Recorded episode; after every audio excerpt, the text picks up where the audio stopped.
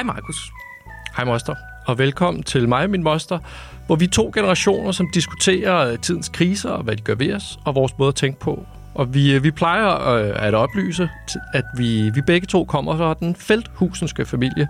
Og det er jo egentlig noget med, at det er jo noget... Vi startede ikke med at sige det Nej, her, da det er vi noget, vi helt kom til at indføre Men lige undervejs. pludselig så blev det indført, så var det svært at stoppe med. Men det lyder jo sådan lidt klanagtigt på en eller anden måde. Ja, og det er, det er det jo faktisk også.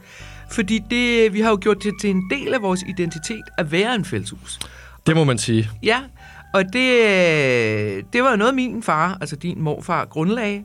Han sagde altid, at sådan her gør vi i vores familie. Og sådan her gør vi ikke i vores familie.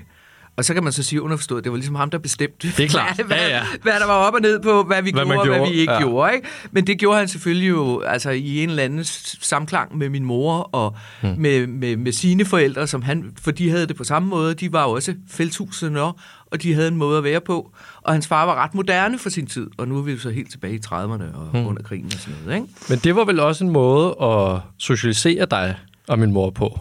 Ja, men Jeg tænker, det, det var meget effektfuldt. Ja, men det var det da, fordi altså, vi fik jo at vide på den måde, at vi skulle leve op til nogen, i hvert fald i hans øjne, altså særlig høje standarder for god opførsel. Ikke? Øh, og først og fremmest så måtte vi ikke være primitive.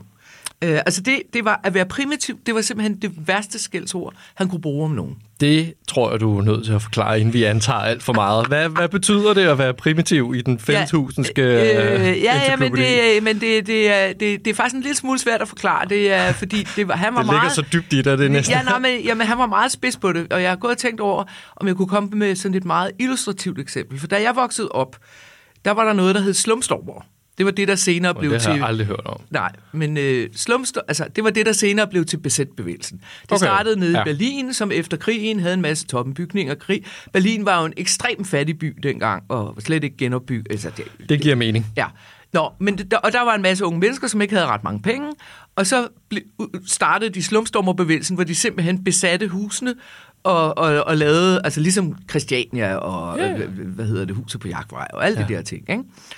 Og, og dem var han dybt uenig med, men for ham var de, de var ikke primitive. Altså, Okay. et, øh, de, havde, de havde en politisk holdning, og de havde et eller andet, de kæmpede for, og det var i hans øjne ikke, selvom han var rasende uenig med dem, og syntes, at det var altså, forfærdeligt, det de gjorde, så havde han, kunne han alligevel godt forstå det, og han synes, det var jo på sin vis en ædel sag, de kæmpede for. Ja. Godt. Dem, der var primitive i hans øjne, det var for eksempel rockerne. Altså, rockerne var det mest primitive, man kunne være, ikke? Fordi hele den der ære og øh, Ja. respekt for, og hele det der mafiosiske system med Mm. brutalitet og vold og øh, alt, alt det der, det, det var for ham det allermest primitive, der fandtes. Så, så han havde faktisk en ret fint kalibreret mekanisme til at udpege dem, der var primitive. Og i virkeligheden så tror jeg, det handlede om, at det var dem, som ligesom, øh, ligesom bare lænede sig tilbage i de allermest primitive, lave instinkter, et menneske kan have. Mm. Øh, og, og for eksempel, altså hvis man nogen mobbede nogen i en skole, ikke, så var man primitiv, du ved, og sådan noget. Ikke? Altså, ja. så, så, så det var det, han mente. Og det måtte vi ikke være. Nej. Og det... Øh, og, og, og, og hvad, hvordan udfoldede det sig så ligesom... Jamen, altså, det udfoldede sig jo på den måde. Han var jo læge. Ja. Øh, på Lolland. Ja. Øh, hvor at, øh, altså han mødte jo rigtig mange mennesker med sociale problemer, for det gør læger jo, fordi de er jo typisk... De møder jo alle. I, i, i- ja, de møder jo alle, men, men, men, men de møder jo... I, altså, det er jo mennesker, som typisk er mere syge og Ja, ja. Du ved, har større Ja. misbrugsproblemer. Og, og, øh, og, og han... Altså, det er de mennesker, som ikke tog sig ordentligt af deres børn. Og dem var der en hel del af, som lod dem gå for lud og koldt vand, som man sagde dengang. Eller mænd, der tævede deres koner, eller altså du ved, drak hele lønnen op, inden den nærmest var blevet udbetalt og sådan noget. Altså, det var primitive mennesker. Så det var jo ikke fordi, at han syntes, at alle andre altså i går så en pæne mennesker var primitive, mm. og vi var de eneste, der ikke var det. Men det var, når der var vold og brutalitet og hensynsløshed og sådan noget, så var så, så det, det kunne man ikke være i min fars øjne. Og det er jo mennesker, som vi i dag kender som udsatte eller sårbare, som, hvor der er en eller anden, øh, der er jo noget kontekst eller noget forståelse for, at det ikke bare er deres skyld. Ja. Øh, men, men det kunne han ikke se. Han kaldte dem bare primitiv. Jeg prøver at høre, sådan tænkte man ikke dengang. Nej. Øh, det, altså, det tror jeg virkelig ikke, man gjorde. Altså, det var mennesker, som gav efter for deres laveste instinkter. Det var mm. mennesker, som ikke kunne tage sig sammen og disciplinere sig selv til at opføre sig ordentligt. Og der havde man ikke nødvendigvis den forståelse, at de måske også havde fået tæsk som børn, og de i virkeligheden førte det hele videre. Ja. Så, så, så der må man undskylde min far, det var bare en anden tid. Ja, godt. Nu må vi frem til, hvor, hvor det er den her lidt længere indledning føres hen. Fordi i dag skal vi tale om vores identitet, og hvad der skaber den. Øh, og mere præcis skal vi tale om, hvor meget arbejde betyder for vores identitet. Altså, og det skal vi, fordi der er noget, som tyder på, at der er ved at ske noget på, på den her front. Vi skal tale om det forhold, at man, man har altid sagt, at der er to slags mennesker. Nogle, som går på arbejde for at leve, og andre, som lever for at gå på arbejde. Og i mange år har det været sådan, at flere og flere har levet for at gå på arbejde, men nu er den tendens muligvis toppet. Det kan vi jo ikke vide. Nej. Men der er noget, der peger på det, og derfor er det sjovt at snakke om. Ikke? Øh, det og det har jo sjovt nok også en hel del med vores sådan, personlige værdier, som vi ligesom lagde ud med at gøre. Så lad os se at komme i gang. Ja. Du er vokset op i en familie, hvor din far, min morfar, levede for at gå på arbejde. Som læge, der var han, han var selvstændig og defineret af sit job. Øhm, og det, fra jeg kan huske ham, der var han jo lidt mere sådan en gammel Muse, så jeg har jo ikke oplevet det, men jeg har hørt det fortalt af alle, der ja. har kendt ham, ja. øh, at det var han, og han var en stolt læge. Men og det, en god læge. Ja, men det var ikke det mest almindelige. Nej, altså... At være defineret sin job på den måde. Nej, altså på Lolland, som jo... Og nu er vi øh, i Nakskov, øh, mm. som jo i, under min opvækst var fuldstændig defineret af skibsværftet. Det der kæmpe store skibsværft, som havde mange tusind mennesker ansat direkte, og som hvor resten af byen også levede af skibsværftet i afledt betydning, enten fordi man var underleverandør til det, eller fordi at man havde en butik i hovedgaden, og at folk havde fået løn på værftet, og så kunne de gå ned og købe en ny kjole. Ikke? Altså værftet var det hele. Og værftet, og værftet øh, altså man sagde, at man var på værftet, og det var rigtig mange mennesker. Ikke? Øh, man arbejdede ikke på værftet, Men... man var på værftet. Okay. Ikke? Ja, ja. Og de der jobs derovre gik i generation, fordi det var den arbejdsplads, som ligesom tog det hele. Ikke? Men det der, i, altså, det, det, der var præget i min opvækst, det var, at arbejderne var i skarp opposition til ledelsen. Altså man gjorde alt, hvad man kunne for at beskytte sig selv mod chefen. Selv når man var på værftet? Ja, ja, ja. ja. Altså man var på værftet, men man havde værftet. Ikke? Klar. Øh, Øh, altså det var dengang, der var arbejder, klassekamp til, ja. og arbejderbevægelse ja, ja. og så videre. Ikke? Og, og vi taler her i 60'erne og 70'erne. Ikke? Øh, værftet er, så til dem, der ikke lige er klar over det, lukket i, lukket i 80'erne efter en lang, lang, lang derot, hvor der var færre og færre mennesker ansat. Øh, så flyttede al, syd, al skibsværftsproduktion flyttede til Sydkorea. Det er en anden historie. Arbejderne var i opposition til ledelsen, og det var fuldstændig almindeligt kendt. Altså, øh, øh, alle vidste, at de havde simpelthen indrettet hemmelige rum rundt omkring derovre, hvor de havde lavet turnusordninger, hvor de kunne gå ind og tage sig en lur, altså for at komme udenom øh, det der med at skulle stå og slide med at svejse eller male, eller hvad de, hvad de nu lavede. Ikke? Så der var simpelthen hemmelige rum, hvor man, hvor man simpelthen trak sig tilbage øh, i nogle turnusordninger. Øh, og det var også sådan, at hvis man ikke ville være med i den, så var man altså dårlig selskab for de der jeg vil Sige, jeg har været serviceassistent, det vil sige rengøringsmedarbejder på et hospital. Det findes stadig. Ja, og der er flere senge på et hospital gået ja, fra. der findes mange hemmelige ja. rum. Nå. Men det, det er jo, der, der går man ikke, der lever man ikke for at gå på arbejde, skal vi sige det sådan. Der går Nej. man på arbejde for at komme hjem, hmm. og så øh, øh, hygge sig der, ikke? Altså om natten, der var det fuldstændig almindeligt. Altså det var nærmest indregnet i budgetterne derovre, at der stjal de med arme og ben byggematerialer, så de kunne tage hjem og bygge sig en carport, eller lave et nyt badeværelse, eller, eller hvad de nu... Altså det var klassekamp med alle midler, og man ydede kun lige præcis så meget, at man ikke blev fyret. Ikke? Og, og, og fyret kunne man ikke blive, fordi så gik hele fagbevægelsen amok og sådan noget. Ikke? Så, så, så cheferne var nødt til ligesom at leve med, at det her, det, det, det var dem mod os. Ja. Altså... Og, det, og det er jo sjovt, fordi i dag ser vi en bevægelse, som går under navnet Quiet Quitting. Det havde de nok ikke kaldt det dengang. Der var det bare Nej, klassekamp. Der var en klassekamp. Øh, det, og det har fået sit navn, fordi det er sådan et tavst selvforsvar mod et arbejdsliv, hvor altså, kravene er gået amok, og, og derfor i respons til det, så leverer man kun lige præcis det, man skal. Øh, og den bevægelse har vi været inde på. Øh, I andre episoder? Ja, i andre episoder, men nu kan vi konstatere, at det i virkeligheden er det er jo en gammel bevægelse.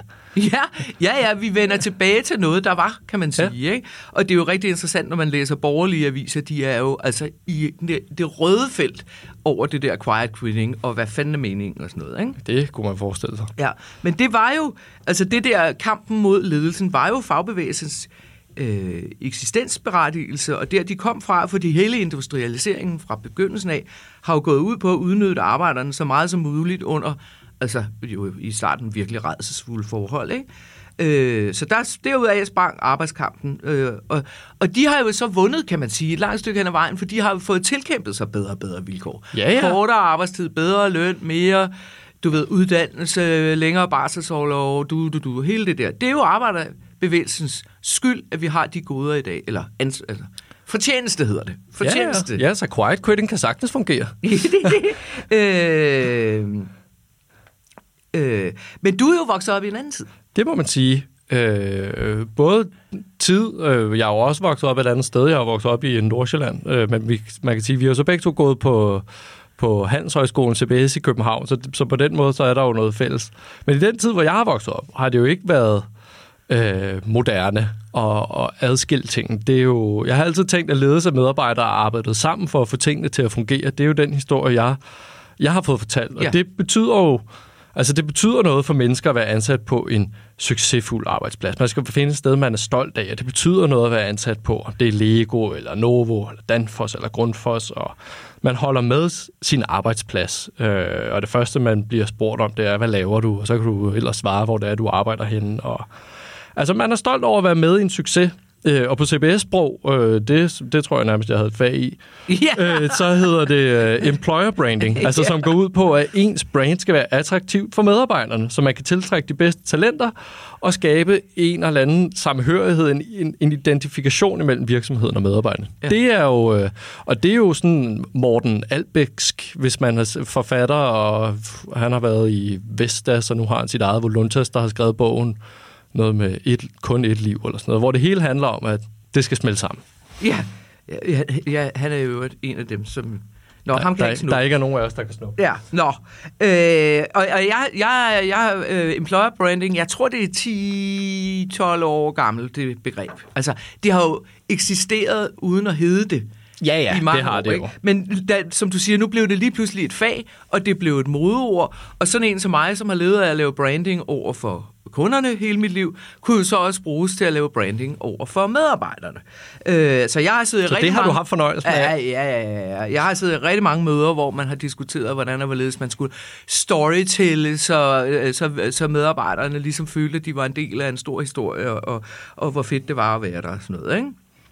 Øh, og, og det er jo klart, altså det kan jeg da godt forstå. Altså, nu synes jeg bare, det er latterligt at kalde det employer branding, ikke? Men, men øh, fordi det er sådan noget newspeak. Ja. Øh, men, men, men det er jo meget mere interessant og givetigt og profitabelt at have medarbejdere, som identificerer sig med virksomheden, og som altså i højere grad lever for at gå på arbejde. Ja, man må øh, sige, I stedet for at arbejde Ja, for... man må jo sige, i teorien, så, så virker det jo, øh, så er det jo enormt appellerende. Så virker det jo altså, super fedt. Men det med at leve for at gå på arbejde, handler vel også om, at, altså, at uddannelsesniveauet er hævet over årene. Altså medarbejderne bliver mere specialiseret, de, altså identificerer sig også mere med deres funktion og rolle i virksomheden, altså end den kamp, som fagbevægelsen repræsenterer. Præcis. Øh, og nu, nu kan vi jo ikke tallene for det her. Altså, Øh, jeg kan huske, at dem der, der ligesom introducerede begrebet, at der findes to slags mennesker, dem, der går på arbejde for at leve, altså for at komme hjem mm. igen med en lønpose, eller dem, der lever for at gå på arbejde. Det var oprindeligt, i hvert fald i min optik, ja, det er muligt, det er nogle andre, men den store introduktion til det her i Danmark var Institut for Fremtidsforskning. Og de mente Nå. dengang at vide, at det var halv-halv. Og det, nu er vi tilbage i begyndelsen af 90'erne eller sådan et eller andet. Ikke? Øh, der var det halvdelen af befolkningen, som øh, gik på arbejde for at skynde sig at komme hjem igen, og resten, som totalt identificerede sig med det der med at gå på arbejde. Ikke? Øh, okay. Så, men vi ved, jo, vi ved jo ikke, hvor mange, der er ved at flytte sig på det her. Men, men, og, men vi ved lidt om, hvorfor, på en eller anden måde. Ikke? Altså, øh, man kan sige, at noget af det, som jo virkelig fylder meget, det er jo øh, altså stress, depression, angst, Øh, Ja, folk, der simpelthen bryder sammen Ja. ja. udmattelse, altså. ja, ja. Nå, men jeg har jo, øh, det, det taler vi jo jævnligt om i min vennegruppe, at vi får vores, øh, altså vi, vi går ned omkring 30 år, i stedet for omkring ja, jeg var altså... 40-50. Jeg var 45, ikke? Øh, det har jeg jo flere, der har. Nogle har måske lige taget det i opløbet, og så har det ikke været så slemt. Jeg har også nogen, som er, altså, de er nede på... De er stadig ikke kommet tilbage. Og de er 30, eller deromkring. Ja. ja. Og de arbejder i nogle virksomheder, som man godt kunne være stolt af at arbejde i, eller hvad? Øh, nogen har gjort, og nogen har, har måske været mere neutrale, og nogen har arbejdet nogen, hvor jeg ikke synes, man kan være stolt Nej, af men det. de, de har måske... De har været super stolte. Ja, ja, ja. Altså, så de har levet for at gå på arbejde. Det har de, fuldstændig. Altså, det kunne, nu siger jeg bare en virksomhed, som... Det kunne være Google, eller, Ja, ja. eller altså nogle Ja. store, moderne De tech-giganter. headhunter masser fra CBS. Ja, det er det. Øh, det er ja. det. Øh. Nå, men altså, og det er jo kugleskørt. Altså, det er jo i, vir- i virkeligheden, at, at de jo, at, at, at det er jo kugleskørt at arbejde sig ihjel. Altså, og det kan jeg selv. Det er det, det ved du noget om. Ja, det gør jeg. Øh, altså, jeg, jeg er jo bare typen, der har identificeret mig altså 100% med min arbejdsplads. Ikke? Også fordi jeg aldrig fik børn, og du ved. Øh, ja, men det, det, blev, det blev mig og at være den, jeg var, når jeg gik på arbejde. Ikke? Så, så jeg er sådan helt ude i den yderste skala, fordi det er jo også, når Institut for Fremtidsforskning siger, at der er, findes to grupper, så er der jo også, det er jo et kontinuum. Nogen Selvfølgelig er det identificerer sig mere med det end andre, og så videre. Ikke? Øh, men der er, så vidt vi kan gennemskue her, ikke? og det er det, vi skal ind på nu, det er, der, er- der, er, der er forskellige forhold, udover at folk er ved at bryde sammen af udmattelse, øh, eller får angst, fordi de ikke øh, ved, om de har nået alt det, de skulle, og har de nu præsteret så godt, som de skulle, og alt det der. Så er der forskellige ting, som er begyndt at komme på dagsordenen, som gør det sværere at identificere sig med sin arbejdsplads, fordi arbejdspladsen måske ikke helt har de samme værdier, som man selv har. Og det skal vi tale om nu.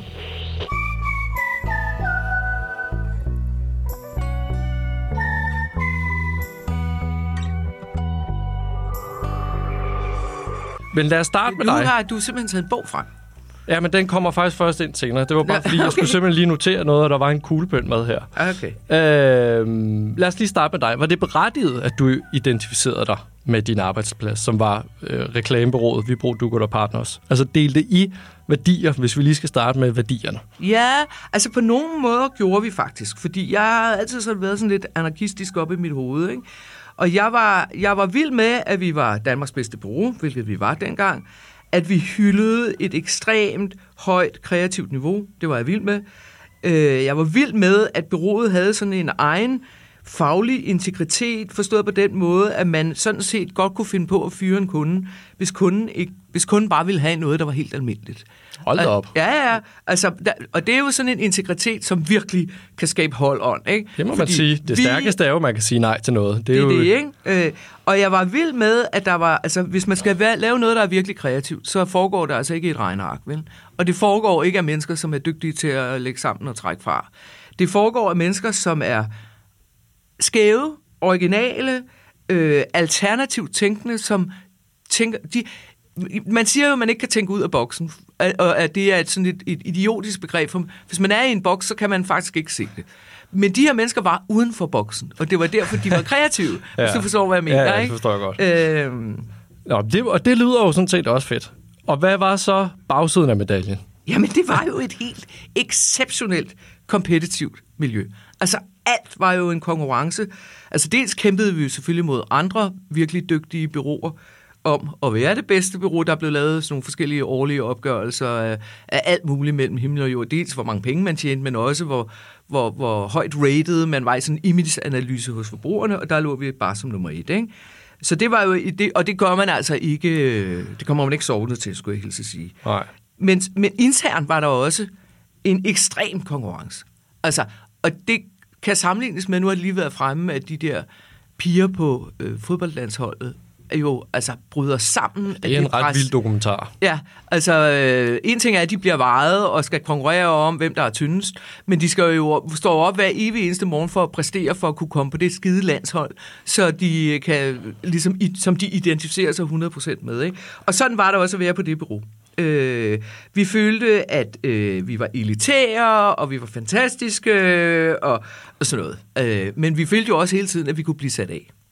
Og det holdt du så til i 12 år som strategisk direktør. Det gjorde jeg. Det ved jeg ikke, om er meget eller lidt. Jeg synes, det lyder meget. Jamen, jeg synes også selv, jeg var super sej og hård.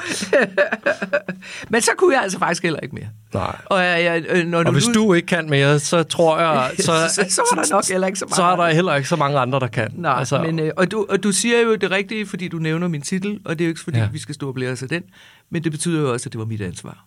Fordi det er jo ens ansvar, når man sidder med i direktionen. Det er det. Jeg kunne have lavet om på det, men. Ja. det gjorde jeg ikke. Nej, og, og spørgsmålet er jo så, hvor mange der kan holde til sådan noget i så mange år. Og vi ser jo, det har vi været inde på, vi ser folk gå ned med stress. Ja, og, og man holder faktisk op med at identificere sig med sin virksomhed, når man er gået ned med stress. Det bliver jeg nødt til at sige. Det kunne jeg forestille mig, man ja, gjorde. øh, men faktisk så kan man næsten få kvalme, bare man går ind gennem hoveddøren. Ikke? Øh, Ja. Nå, så det er jo en skide god grund til, at øh, folk, øh, du ved, holder op med øh, at identificere sig med deres virksomhed, og måske begynder at leve, altså gå på arbejde for at leve, i stedet for at leve for at gå på arbejde. Ja. Men jeg har også en anden vinkel. ja, lad os tage det. Øh, fordi forleden havde jeg en øh, virkelig god samtale med en god bekendt.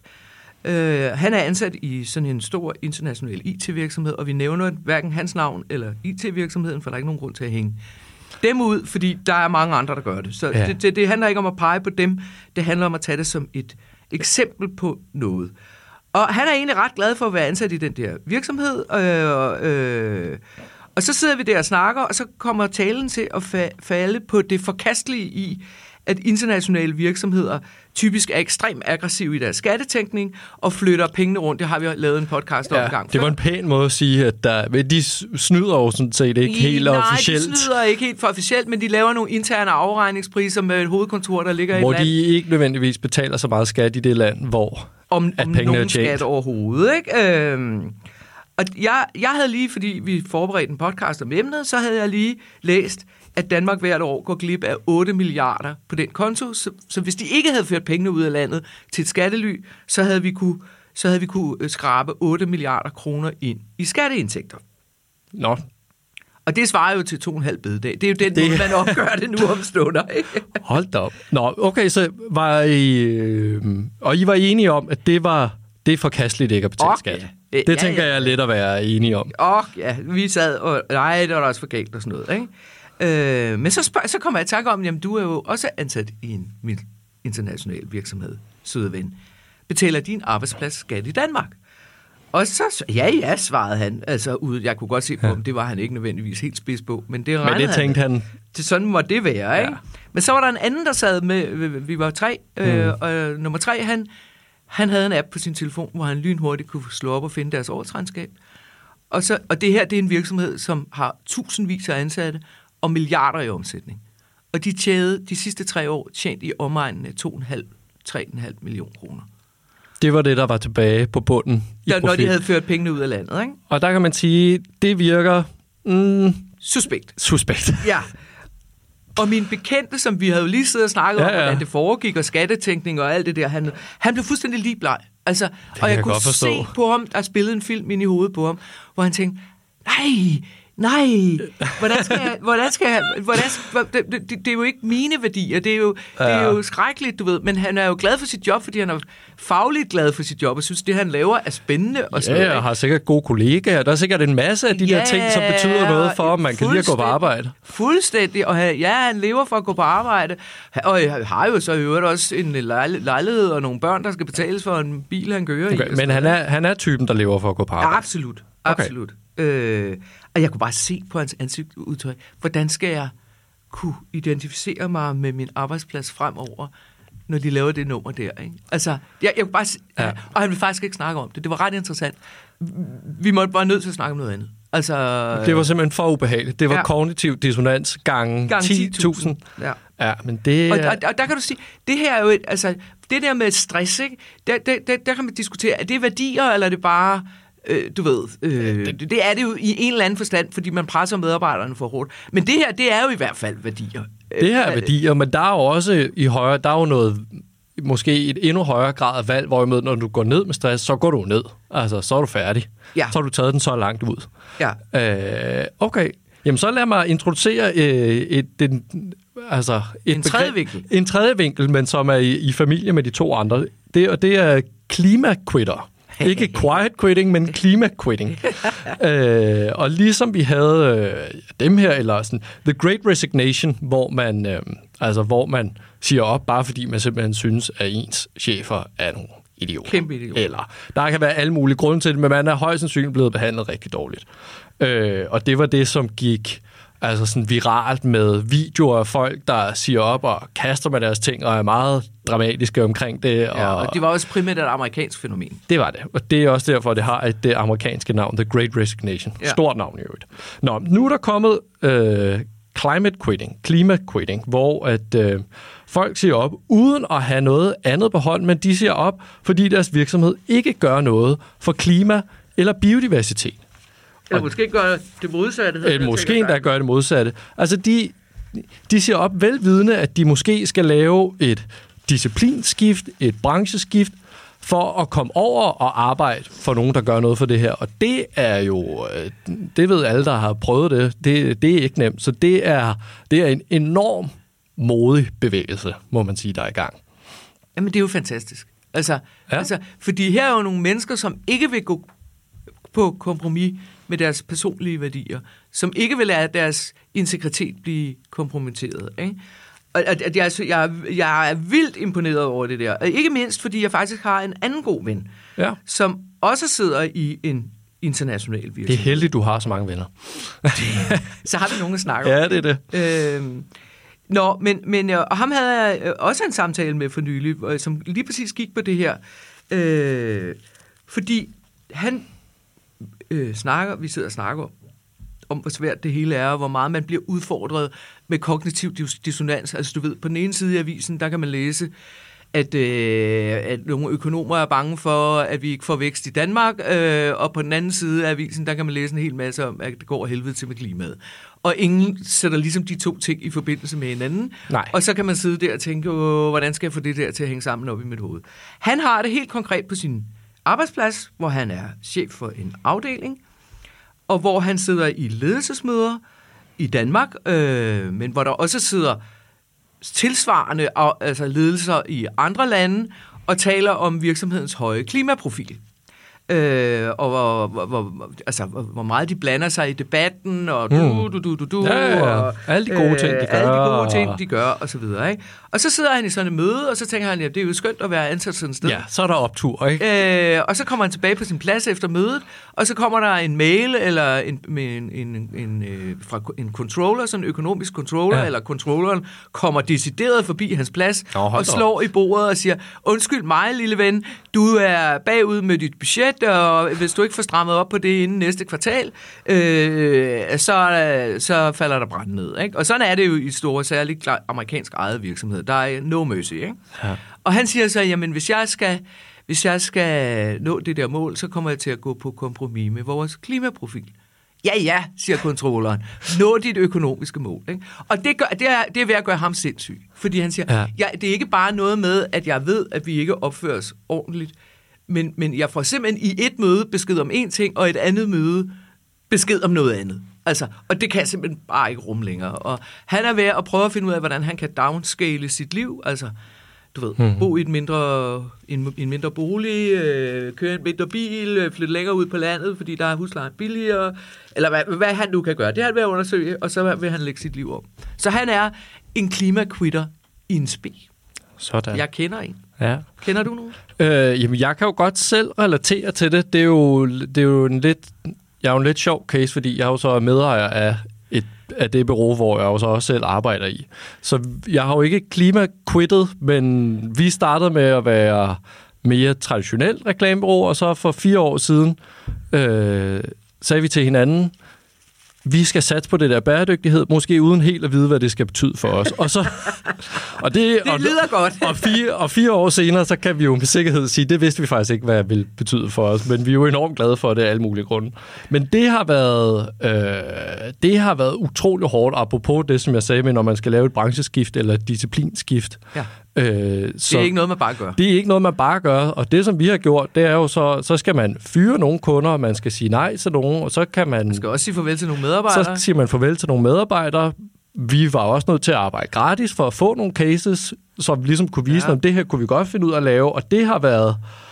Det er en hård tur. Det er en ekstrem hård tur, så jeg vil jo sige, det er jo ikke... Altså, det er det samme CVR-nummer, men det er ikke den samme virksomhed. Så Nej. derfor kunne man godt sige, at det var climate quitting på en eller anden måde. Ja, ja det synes jeg, det, det synes jeg er helt vildt. Altså, ja. så, så det, det, du må gerne uh, komme med i den kategori der. Jeg skal sætte dig sammen med min gode ven, når det er, han har fået gennemført sin.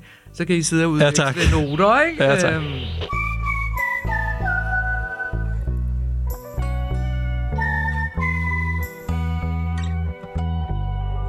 Nå, men altså, nu har vi haft forskellige vinkler på det her. Der har været stress, der har været skat, der har været klima, øh, der er, forske- altså, ja. og der er jo flere grunde. Ja, ja. Altså, der, der er flere grunde til, at man ikke nødvendigvis på samme måde identificerer sig øh, med sin virksomhed. Og jeg tror, at vi er ved at vågne op til den virkelighed, som ligesom i virkeligheden bare altid har været gældende, nemlig altså det faktum, at the business of business is business. Altså, når du driver en forretning, så driver du en forretning for at tjene penge. Og længere er den ikke. Og det er udtalt af Milton Friedman, som er Nobelprismodtager i økonomi. Det skulle han nok ikke have været. Ej, øh, fordi men han dem er, så, er der nogle stykker af. Ja, ja øh, han er ligesom det store forbillede, eller i hvert fald ja. et af de store forbilleder for øh, de der ultraliberalister, som mener, at markedet skal regulere. Han bliver nævnt mange gange på CBS. Det gør han. Det er også ham, der var vist nok øh, fader til pengepolitikken og sådan noget. Ikke? Men altså, i den verden er der jo ingen noget. Det handler om at tjene penge, og det handler om, at det skal være meningsfyldt for aktionærerne at være aktionærer, men ikke nødvendigvis meningsfyldt for medarbejderne, udover at de får noget løn. Og så er vi jo så er vi jo tilbage på Nakskov skibsværft. Ja, altså, som, øh, havde, som så verden, som den var. Ja, altså der, der var en, et udtalt modsætningsforhold mellem arbejder og ledelse, og det handlede om at tilkæmpe sig så meget af goderne, som man kunne. Og der tror jeg, at vi er på vej tilbage til. Ja, og det, og der er i hvert fald ikke, man kan sige, der er i hvert fald ikke nogen grund til at slide sig selv ihjel for at tjene penge til aktionærerne. Altså slet ikke, hvis man faktisk overhovedet ikke kan identificere sig med det, der, det som foregår Øh, men der er ikke mange steder, man kan gå hen, hvis man vil undslippe det, øh, altså hvis man vil undslippe det regime. Der er jo, øh, apropos den bog, som jeg lige hæver op, han, øh, den kan vi vende tilbage til. Øh, altså i den her podcast? Eller nej, nej, nej. Øh, det er en lang historie. Det er, det er en lang historie. Ja, okay. Jeg kommer med et enkelt eksempel fra den senere, men han er super cool, han hedder Jason Hickel, og er øh, økonom og antropolog, og er meget inden for degrowth, som jo på dansk vil vel hedde modvækst. Han øh, super ja, ned, nedvækst. Nedvækst. Ja, ja, ja. altså ikke, ikke mod, men altså vi skal ikke, ja. altså vi skal det modsatte af at vokse i virkeligheden, ja, ikke? Ja, præcis. Øh, han siger, at man må det, det er ikke alle virksomheder i dag, der er kapitalistiske. Øh, man kan ligesom dele dem op i to. Der er nogen, der er tilfredse med at få den profit ud, som der nogle gange gør, at man kan få tingene til at løbe rundt, og det kan være den lokale restaurant. Og så er der de kapitalistiske virksomheder, hvor man bare skal tjene pengene til, penge til aktionærerne, som øh, Facebook, Google, Exxon, whatever, alle dem der. Så, så, det, så det kan man godt dele op. Øh, men der er bare meget få af dem, der øh, altså, som, som ikke er kapitalistiske. Ja, sjovt nok. Ja. Fordi vi lever i et kapitalistisk system. Præcis. Ja. Øh, nå, men hvis vi... Øh, nu, jeg kan godt lige komme ind på det der eksempel. Hvis vi nu endelig skal skyde noget positivt ind i den her samtale, øh, så er der faktisk nogle undersøgelser, som viser, at det er rigtig godt for os også at arbejde mindre. Ja, ja sjovt yeah. nok. Særligt hvis vi er ved at bryde sammen af udmattelse, så er det rigtig godt at arbejde mindre. Ja. Men hvordan, øh, jeg tænker, du har men, et men på, perspektiv men på, på det. Men på flere fronter. Øh, her, jeg havde faktisk allerede fundet en undersøgelse, øh, som er fra University of Massachusetts og tilbage fra 2012. Og så i mellemtiden, så bliver jeg færdig med den her bog, som linker til tre andre undersøgelser. Så det er altså ikke bare en enlig svale, øh, som siger, at der er gode ting ved at arbejde mindre. Øh, det, det, som den her den siger, det er, at det mindsker vores aftryk på verden. Altså helt vildt.